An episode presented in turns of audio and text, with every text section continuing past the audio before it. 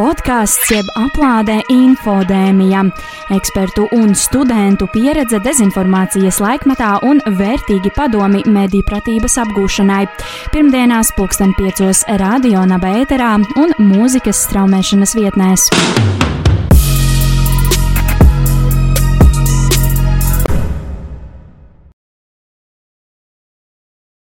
Esiet sveicināti, darbie radio draugi, darbie podkāstu infodēmija klausītāji.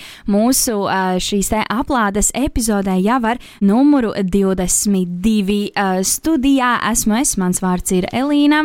Un mani sauc Laura. Es esmu Elza. Un šodien mums attālināti arī pievienojies Roberts Kādiķis, kuru tad mēs uh, iztaujāsim par un ap, kā jau jūs redzat, uh, epizodes nosaukumā - mākslīgo intelektu. Labdien, Robert! Uh, un varbūt tad jūs sākumā varat uh, pastāstīt uh, vairāk par sevi un par to, ar uh, ko jūs nodarbojaties. Jā, esmu pētnieks, vadošais pētnieks Elektronikas un datorzinātņu institūtā, saīsinājumā EDI, biežāk, li biežāk lieto. Un šeit mēs pētām dažādas lietas, sākot no super superprecīziem timeriem, dažādām signāla apstrādēm līdz mākslīgam intelektam. Un es pats tad esmu laboratorijas vadītājs. Laboratorija sauc robotikas un mašīnu uztveres laboratoriju. Ja robotika tas varētu būt diezgan skaidri, ko nozīmē. Mašīnu uztveri tātad mēs mācām tiem pašiem robotiem, datoriem uztvert apkārtējo vidi, saprast, kādi objekti vai kas notiek apkārt un kā šādā vidē rīkoties. Ja tas ir teiksim, robots vai mašīna vai drons. Nu, jā, man pētniecības virzieni tad vistiešāk ir saistīti ar datoru redzi, kas ir tāda mācība palīdz redzēt datoram, vai telefonam, vai mašīnai, vai robotam, kas ir viena no tādām mašīnu uztveres paveidiem. Un šobrīd tā datora redze, kā arī ļoti daudz kas cits, vislabāk tiek paveikts ar mākslīgā intelekta metodēm. Tāpēc arī pētu šobrīd visvairāk tieši mākslīgo intelektu. Jā, izklausās ļoti interesanti. Uh, varbūt jūs varat pastāstīt uh, tiem, kuriem ar uh, šādu te nozari nav nekāda saistība bijusi, kas vispār ir mākslīgais intelekts, vienkāršā valodā. Jā, tas ir datorzinātnes apakšnodara. Ir jau diezgan sena. Bet uh, mūsdienās tas vārds ir kļuvis atkal populārs tikai dēļ konkrētām uh, tehnoloģijām, kas sākušas labi strādāt uz uh, dažādiem uzdevumiem. Tāpēc diezgan atšķirās tas, ar ko populārā kultūrā tiek saprasts mākslīgais intelekts un ko ar to saprot varbūt joms cilvēki, kas ar mākslīgo intelektu nodarbojušies jau desmitiem gadu, bet it kā liekas, ka tas ir atnācis tikai šobrīd un visur tiek lietots. Bet ja tā vairāk no populārā viedokļa, tad šobrīd par mākslīgo intelektu visbiežāk sauc tā saucamās mašīnu mācīšanās metodas. Tas ir tad nevis, kad programmētājs pats ļoti eh, izdomā, ko katrā rindiņā rakstīt programmā, lai teiksim, tas dators atšķirtu, vai viņš skatās uz eh, kaķi vai kaut kādu kasti, bet šoreiz datoram tas tiek mācīts. Un visbiežāk tas tiek mācīts viņam parādot eh, teiksim, tūkstošiem kaķu bildes, tūkstošiem suņu bildes un tūkstošiem citu objektu bildes. Un tad ar dažādām tehniskām metodēm tāds modelis datorā pats sāk ar laiku atpazīt arī iepriekš neredzētus kaķus un priekšmetus. Un tas ir tie, tās, tās tehnoloģijas, kas šobrīd labi strādā un ko bieži vien tagad sauc par mākslīgo intelektu. Varbūt jūs varat iezīmēt vēl kādas attīstības tendences, teiksim, no to cilvēku skatu punktu, kam ikdienā profesionālā darbība ar šo galīgi nav saistīta. Ko vispār mēs varam sagaidīt šobrīd pasaulē no mākslīgā intelekta? Tā, nu, ja tā vispārīgi domā, tad jebko, ko varētu veikt ar cilvēku intelektu, varētu mēģināt veikt arī ar mākslīgo intelektu. Tad tas jā, īstermiņa jautājums ir biežāk, ko tieši šobrīd jau esam iemācījušies paveikt ar mākslīgo intelektu un kas ir varbūt vēl nedaudz tālākā nākotnē. Ir tādas, es domāju, jau ļoti populāras, ļoti populāri piemēri ir pašbraucošās automašīnas. Nu, jā, viņai pašai jāmāk saprast, kas notiek apkārt, pašai jāpieņem lēmumi, dažādi pašbraucošie droni. Šeit EDI institūtā mēs arī strādājam pie industriālo robotu automatizācijas, jo tagad rūpnīcās jau daudz kur izmanto robotus, kas uh, manipulē dažādus objektus. Bet pārsvarā tie ir atkal iepriekš ieprogrammēti. Robotam es pateicu, tagad ej 5 cm pa labi, tagad 5 cm uz leju, paņem to konkrētu objektu, kas tur vienmēr stāvēs. Bet piešķirot tam mākslīgo intelektu, mēs panākam, ka šie roboti jau spēj strādāt krietni haotiskākos apstākļos, izber viņam priekšā objektus, un viņš pats izdomās, kā viņam kur savu roku kustināt, lai paņemtu to objektu. Tas vēl tāds industrijas pielietojums. Bet protams, internetā mums mākslīgais intelekts apkārt ir visu laiku, kad mēs ejam iekšā. Viņš mums piedāvā, ko mēs gribētu varbūt nopirkt. Viņš piedāvā, ar kādiem vēl cilvēkiem mēs gribētu sakonektēties. Viņš nu, analīze par mūsu datiem notiek nepārtraukti. Un, man liekas, tie pielietojumi joms nu, ir neuzskaitāms praktiski visur, kur kaut kāda gudrība ir nepieciešama. Viņu var mēģināt lietot. Citur jau arī lietot. Jā, un uh, tas, ko es esmu pēdējā laikā pamanījusi, ka mākslīgais intelekts, uh, nu, tas vārdu savienojums liek, tiek likts kopā arī ar deepfake, jeb uh, dziļviltojumu tehnoloģiju. Teiksim, kad uh, nesen redzēju video ļoti interesantu, kur veci komponisti tika it kā atdzīvināti. Uh, vai jūs varētu pastāstīt arī nedaudz par šāda veida tehnoloģiju? Jā, tas ir tādi ģenerējoši modeļi, kas tātad var ģenerēt vai nu attēlus, vai nu runu, vai nu video, vai mūziku, vai tekstu, jebko. Protams, katrs tas veids, ko viņi ģenerē, vai nu tas būtu video vai audio, tas ir nedaudz cits parasti modelis, bet uh, tieši ar mākslīgā intelekta šiem paņēmieniem, mašīnu mācīšanos un līdzīgiem pēdējos gados šeit ir panākti ļoti labi rezultāti. Piemēram, pirms pieciem gadiem iznāca pirmais raksts par to, kā konkrēti veidi modeļi ģenerē tādus maziņus, neizteiksmus veiksmīgus sejas attēlus, tad tur dažos gados pēkšņi jau ģenerē ļoti skaistus attēlus ar lielu izšķirtspēju un pat jau video. Un, nu, jā, un, un tas lietojums atkal ir ļoti plašs. Tam visam ir labi lietojumi, ir slikti lietojumi. Un tas nosaukums deepfakes tas radies no tā, ka šobrīd pārsvarā to dara ar dziļiem neironu tīkliem, no kuriem tas vārds deep dziļš, tāpēc viņus arī sauc par deepfakes. Un, jā, ja, ja arī varbūt viņi bieži vien ne, neiztaisa kaut ko tādu pilnīgi jaunu, jo attēlus mēs veikojam jau ļoti ilgi ilgi. Un video arī, ja mēs skatāmies kaut kādas Hollywood filmas, viņi mācīja tur cilvēkiem pielikt 20 gadus, atņemt 30 gadus. Bet tas prasīja ļoti liels līdzekļus, ļoti liels zināšanas, un tur vajadzīgi bija tiešām spējīgi mākslinieki, kas to var paveikt. Tad tagad ar tādām deepfake tehnoloģijām, kas ir atvērtas un pat bezmaksas un viegli lietojams, nu, jebkurš var, ja ļoti grib, uzģenerēt dažādas uh, neeksistējušas attēlus vai pat uh, pārveidot eksistējošas video, audio un tā tālāk. Nu, jā. Nu jā, šīs jūs minētās deepfake tehnoloģijas jau droši vien, uh, es tā pieļauju, tiek lielākoties pielietotas, lai tieši ģenerētu informāciju, kas ir saistīta ar dezinformācijas izplatību. Kā jūs teiktu, cik mēs tālu kā sabiedrība esam tikuši atklājot mākslīgā intelekta potenciālu cīņā ar dezinformācijas izplatību? Nu jā, šeit ir interesanti tas, ka tagad ir ļoti pieejams un viegls veids, kā ģenerēt dažādas eh, dezinformācijas materiālus. Protams, ar tām pašām metodēm arī tiek mēģināts cīnīties ar, teiksim, atklāt, kur, kur tad ir viltots attēls, kur nav viltots. Tie ir tādi man iekšējā sajūta, ka tas varbūt ilgtermiņā nestrādās tik labi, jo, kad mēs ģenerēsim pilnībā neatšķiramus attēlus, tad jau nebūs tehnoloģija, kas viņus var atšķirt. Tāpēc varbūt vairāk jautājumu, kā tas, kā tas Eh, izspēlēs sevi jā, vairāk sociālā ziņā, vai cilvēki, protams, biežāk eh, sastapsies ar eh, viltotām video, viltotiem attēliem, apakšā arī tikpat labi viltotiem tekstiem, vai tas, ka cilvēki arī biežāk sas, saskarsies un biežāk arī zinās, ka viņiem ir iespēja saskarties ar šādām lietām, vai tas novedīs pie tā, ka cilvēki kļūs varbūt skeptiskāki pret to, ko viņi lasa un redz internetā, vai arī varbūt tieši ciniskāki. Un tā atšķirība, manuprāt, ir ļoti svarīga. Jā, vai cilvēki mēģinās dziļāk iedziļināties, no kurienes nākus informācija, vai arī vienkārši vairs neusticēties nekam. Jā, tas jau patiesībā daļai notiek arī šobrīd, bet jūs minējāt, ka tā ir pastāv tāda iespēja, ka attīstoties šīm uh, tehnoloģijām, kas rada dziļviltojumus, attīstās paralēli arī tehnoloģijas, kas tos dziļviltojumus atpazīst. Vai tā tiešām ir un vai tas ir aktuāli, un vai nākotnē varētu būt tā, ka, teiksim, pastāv tāda tehnoloģija, kas atpazītu viltus ziņas, teiksim, vai vil, ne tikai viltus video, vai, kaut, vai kaut kas tāds būtu reāls? Nu, spriežot pēc tā, ka šobrīd tie pētījumi tajā tieši atpazīšanas jomā ir diezgan izplatīti, tad uh, liekas, ka ir cerības uh, atpazīt, nu, ok, ar video ir skaidrs, jo pat paši tie modeļi, kas ģenerē attēlus, tur populārākā tehnika ir izmantot tādus saucamos ģenerējošos tīklus pretiniekus, jeb DAN tīklus, jeb Generative Adversarial Networks. Jo paši tie tīkli sastāv no tāda viena modeļa, jeb tīkla, kas ģenerē attēlu, un no otra, kas mācās to attēlu atpazīt, vai tas ir īsts vai nē.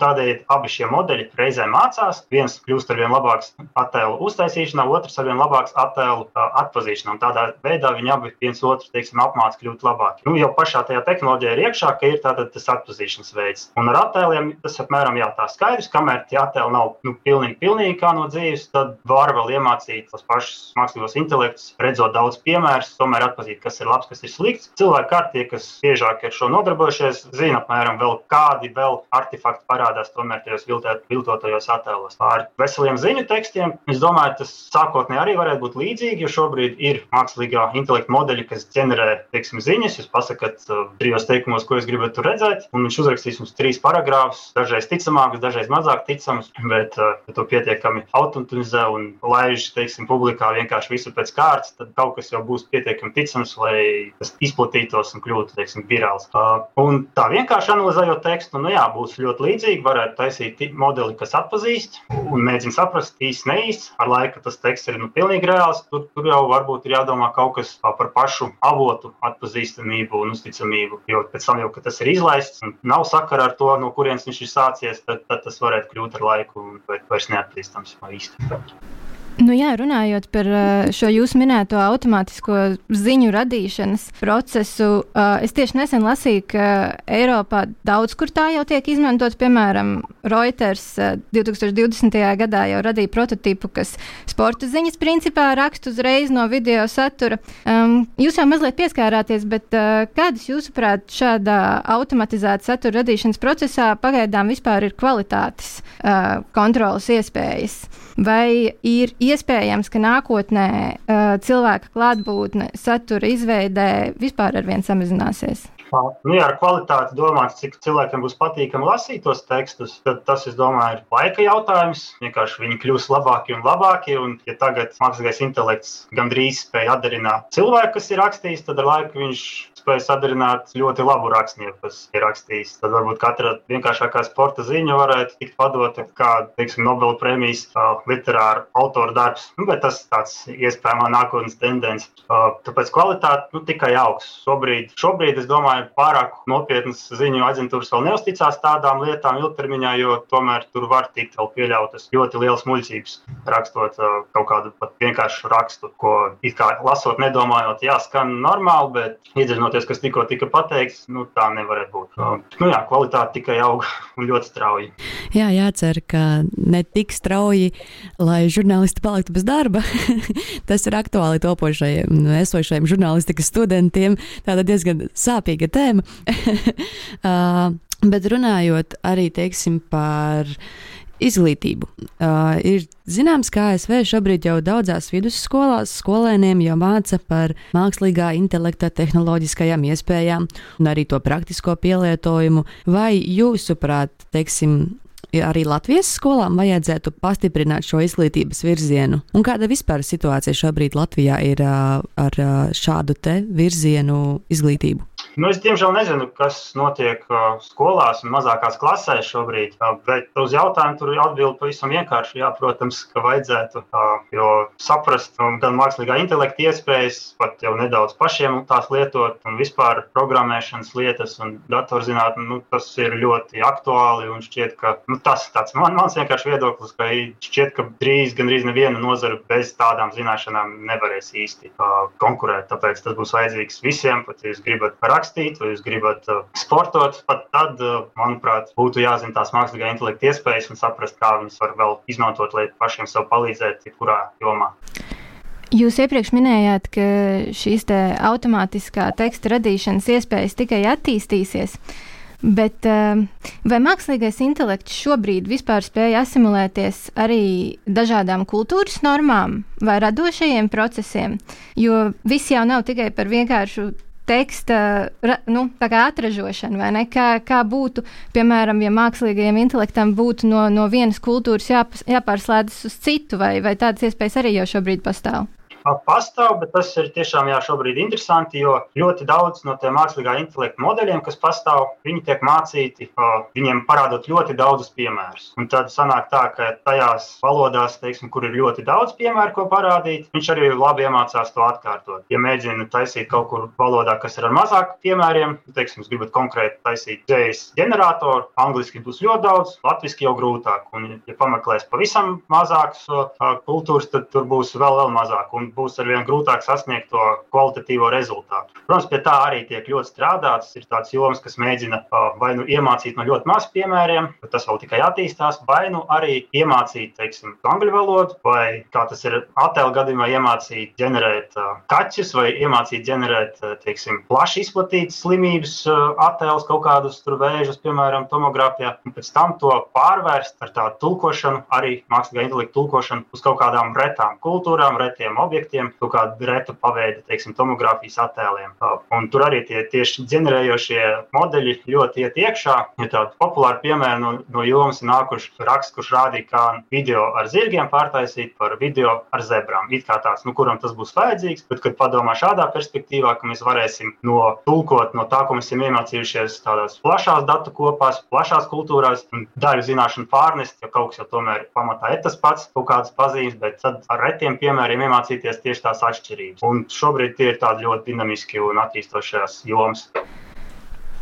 Un varbūt jūs varat pastāstīt arī, kādi pagaidām ir tiešsaistē pieejamie instrumenti vispār, ko informācijas vai attēlu autentifikācijai varētu izmantot arī cilvēki, kas profesionāli nav par to mācījušies. Hmm, tieši autentifikācijas nozarē man varbūt pat būs grūti nosaukt. Jo pat uh, tie rīki parādās gandrīz katru dienu. Dažādi rīki, ļoti liela daļa tieši par ģenerēšanu, attēlu, tekstu, audio. Un tiek uztaisīts viens, tas tiek uh, internetā ielikts, bezmaksas pieejams, un pēc nedēļas kāds viņu ir uzlabojis, ielicis labāku versiju. Uh, bet jā, es varbūt pats esmu biežāk redzējis to ģenerēšanas pusi, bet noteikti arī tie raksti, kas pēta, uh, kā atšķirt, arī visticamāk liek savus kodus ārā, jo tas šobrīd, nu, jau vairākus desmit gadus datorzinātnē, tīpaši mākslīgā intelekta jomā, ir labā praksa, ka jūs uzrakstat savu zinātnisko rakstu un blakus arī iedodiet uh, kodu, lai pārējie zinātnieki var ātri atkārtot. Pirmkārt, noticēt tam, ka tiešām to, ko jūs esat atklājis, ka tas tā tiešām arī strādā, un pēc tam arī ļoti ātri uzlabot un attīstīt to lietu tālāk. Bet es uh, jā, šodien uz sitienu tādus labus linkus neiedošu uz kaut kādām uh, tādām, kas ļautu ātri atšķirt, kas ir īsti, kas nav. Jā, bet, teiksim, ja nerunā par tādām tehnoloģiskām iespējām, vai šobrīd, nu, teiksim, tad, kad es stāstīju par to piemēru, kur vecas komponistu bildes tika atdzīvinātas, tad nu, tur varēja ļoti viegli saprast, ka tas ir, nu, tas nav īsts video, jo, protams, viņi, nu, pirmkārt, viņi sen vairs nav starp mums, otrkārt, tas video kvalitāte arī par kaut ko liecināja.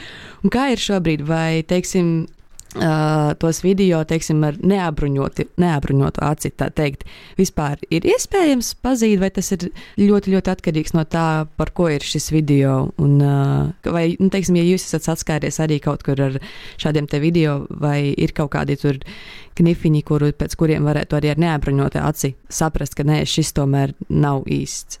Nu jā, šobrīd tā kvalitāte var ļoti atšķirties. To, ko mēs sastopamies internetā, varbūt uzreiz momentā atpazīstams. Nu jā, tur kaut kas notiek jocīgs ar acīm, teiksim, tam acu apgabalos bieži kaut kas nenotiek īsti dabiski vai, nu jā, vai kaut kādi jocīgi tādi uh, izplūdumi attēlā. Bet tas viss ļoti var variēt. Ir atkarīgs no tā, cik cilvēks tam ir veltījis laika, jo vienkāršā gadījumā gadījumā var paņemt gatavu programmu, iedot viņai kaut kādu tur. Es gribu, teiksim, šo cilvēku aizvietot ar šo šajā video un piespiest pogu, un būs kaut kāds rezultāts. Tā uzreiz būs droši vien slikts rezultāts. Ja cilvēks tur sāks mēģināt mainīt dažādas programmas parametrus, tad ar laiku viņam sanāks vien labāk un labāk. Un cits tāds uh, svarīgs aspekts ir tas, kādā kvalitātē mēs to video vispār redzam. Jo, ja tas ir kaut kāds KD video, ļoti smūgs, bez kompresijas lielas, nu, tad jau vieglāk pamanīt, ka kaut kas tur nedabiski tomēr notiek.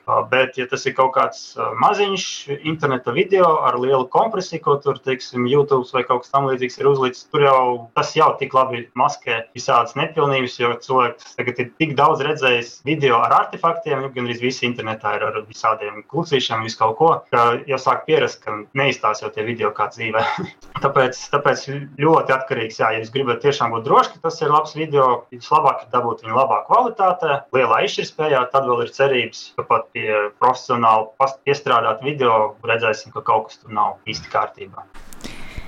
Noslēgumā es gribētu jums vaicāt, ņemot vērā jūsu kopējo pieredzi darbā un pētniecībā ar mākslīgo intelektu, kā jums šķiet, kas varētu būt tie lielākie nu, negribas teikt draudi, bet varbūt faktori, no kuriem vajadzētu uzmanīties, runājot dezinformācijas vai, vai viltus informācijas kontekstā, nu, no kuriem sabiedrībai būtu jāuzmanās, kas mums būtu nākotnē, kur mums būtu jātur acis vērīga, tā sakot. Nu, man pašam šķiet, ka tās tehnoloģijas viņas, mm, ar to savu real, realismu jau nav tik ļoti bīstams. Jo, ja gribēja viltot attēlu, to viltoja arī pirms simts gadiem. Video nesenāk sāka, bet arī var ar dažādiem rīkiem, profesionāļi ar daudz naudām var viltot video arī bez mākslīgā intelekta. Tagad tas vienkārši kļūst daudz vieglāk. Un tas bīstamais, manuprāt, ir tas, ka nu, tātad, ja kurš var daudz un ātri pludināt internetā iekšā jebkādu informāciju. Un, un jā, nav jau obligāti atkarība, protams, no mērķiem. Citreiz mērķis dezinformācijā var būt iestāstīt kaut ko konkrētu, citreiz mērķis varbūt ir vienkārši čelt sabiedrību un nevis iestāstīt kaut ko konkrētu, bet pludināt ļoti daudz polarizējošas informācijas, polarizējošas attēlus, vienalga, uz kuru pusi viņi polarizē. Galvenais, lai kaut kas notiek, lai cilvēki ārdās, strīdās viens ar otru. Un tad tādas automatizācijas metodas ļauj vienkārši to darīt. Nu, uzspiedīsim pogu, lai viņš ģenerē da jebko. Tas, kas cilvēkiem paķersies, uz ko viņi sāks vārīties, tas jau pats arī internetā aizies. Un, ja mērķis vienkārši kurināt sabiedrību, tad tādi rīki kļūst nu, diezgan bīstami. Jo, jo kanāli, kur viņi izplatās, arī ir būvēti bieži vien tā, ka viņi nu, reklamē, nereklamē, bet visvairāk palīdz izplatīties tiem video, kuriem cilvēki reaģē, vai tiem tekstiem, uz ko cilvēki reaģē. Un, ja mērķis ir vienkārši, lai cilvēki reaģē, tad jūs ģenerējat jebko, un tas, kas aizies, aizies. Nu, jā, tāpēc tā bīstamība par to, ka jebkurš var ātri automatizēt, radīt dažādu veiku informāciju. Bet nu, tas, nezinu, vai ir šīs tehnoloģijas galā risināms. Tas ir varbūt jau to kaut vai sociālo platformu ziņā. Nu, jā, un, un tur, kā jau pieminēju, tad grūti pateikt, vai cilvēki tāpēc kļūst ciniskāki vai skeptiskāki, vai, vai ticēs jā, vieglāk dažādām lietām. Droši vien jau neticēs tik labi, bet arī tas var būt gan pozitīvi, gan negatīvi. Jā, un lai nenoslēgtu šo epizodu uz tādas ļoti uh, drūmas nots par bīstamībām un draudiem, varbūt uh, jums ir kāds ieteikums vai ieteikumi mūsu klausītājiem, kuri saskaras ar teiksim, šāda te veida tehnoloģijām pēkšņi vai kaut kā tā, ko darīt, apdomāties pirms tam vai vai satraukties uzreiz? Nē, satraukties. Nē, es domāju, ka tā, protams, daudz jau ir pieraduši.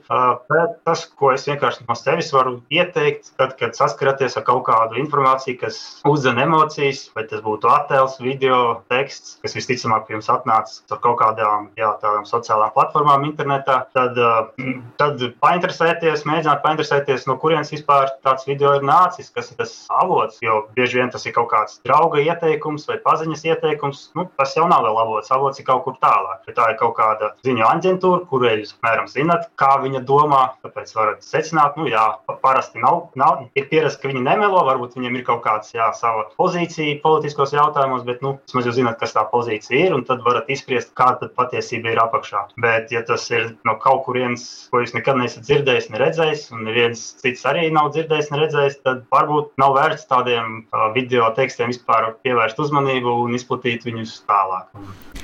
Nu jā, Roberta, mūsuprāt, jums ir ļoti liela taisnība, ka, ja tiešām šāda veida teksti vai video vai kas izsauc ļoti lielas emocijas un varbūt šeit pat sākumā ar uh, pirmo acu uzmetienu nepatiesi, tad, nu, tas, tas tā arī varētu būt. Šis gan atsauc arī atmiņā to, kā mēs uh, pagājušajā studiju semestrī kopā ar kursu biedriem arī uh, rīkojām tādas nelielas mediju pratības darbnīcas uh, skolēnu grupām. Tur tad mēs uh, vecākiem skolēniem arī vairāk stāstījām runājām par eh, šiem te deep eh, fakiem, eh, jeb dziļviltojumiem, mākslīgo intelektu, un rādījām viņiem arī uh, dažādus uh, video, kas, protams, bija safabricēti, un, uh, un, un, un jā, īsnībā varbūt pat bez pārsteigumiem, bet, nu, lielākā daļa, bet tā, ka tiešām lielākā daļa, kā 95, 99% atpazina arī šos te dziļ, dziļviltojumus. Līdz ar to mums ir ļoti liels arī pamats domāt, ka podkāstu infodēmija klausītājiem arī šī te atpazīšana grūtības nesagādās. Atgādināšu vēlreiz visiem klausītājiem, ka mēs šodien runājām ar Robertu Kādiķi. Ar jums šodien kopā podkāstu infodēmija 22. epizodē bijām Laura. Elza. Un arī es, mans vārds ir Elīna Krēmere, un liels jums vēlreiz paldies, Robert, par visiem ieteikumiem un par nelielu uh, dziļāku ieskatu dziļviltojumos. Jā, paldies par pasākumu, ļoti patīk. tad labi. Un uh, tad ar klausītājiem tiksimies jau nākamā nedēļa, nākamajā pirmdienā, vai nu tas ir Radio Naba epizode, vai nu tas ir Radio Naba uh, tiešraidē pulksten piecos uh, pēcpusdienā, vai arī Spotify, uh, kā kuram preferences ir uh, labākas, kur, kuram patīk labāk klausīties. Bet līdz nākamajai nedēļai tad mēs sakam tā. Visu labu! Atā. Podkāsts jeb aplādē infodēmija, ekspertu un studentu pieredze dezinformācijas laikmatā un vērtīgi padomi mediju pratības apgūšanai. Pirmdienās pulksten piecos radio nabēterā un mūzikas straumēšanas vietnēs.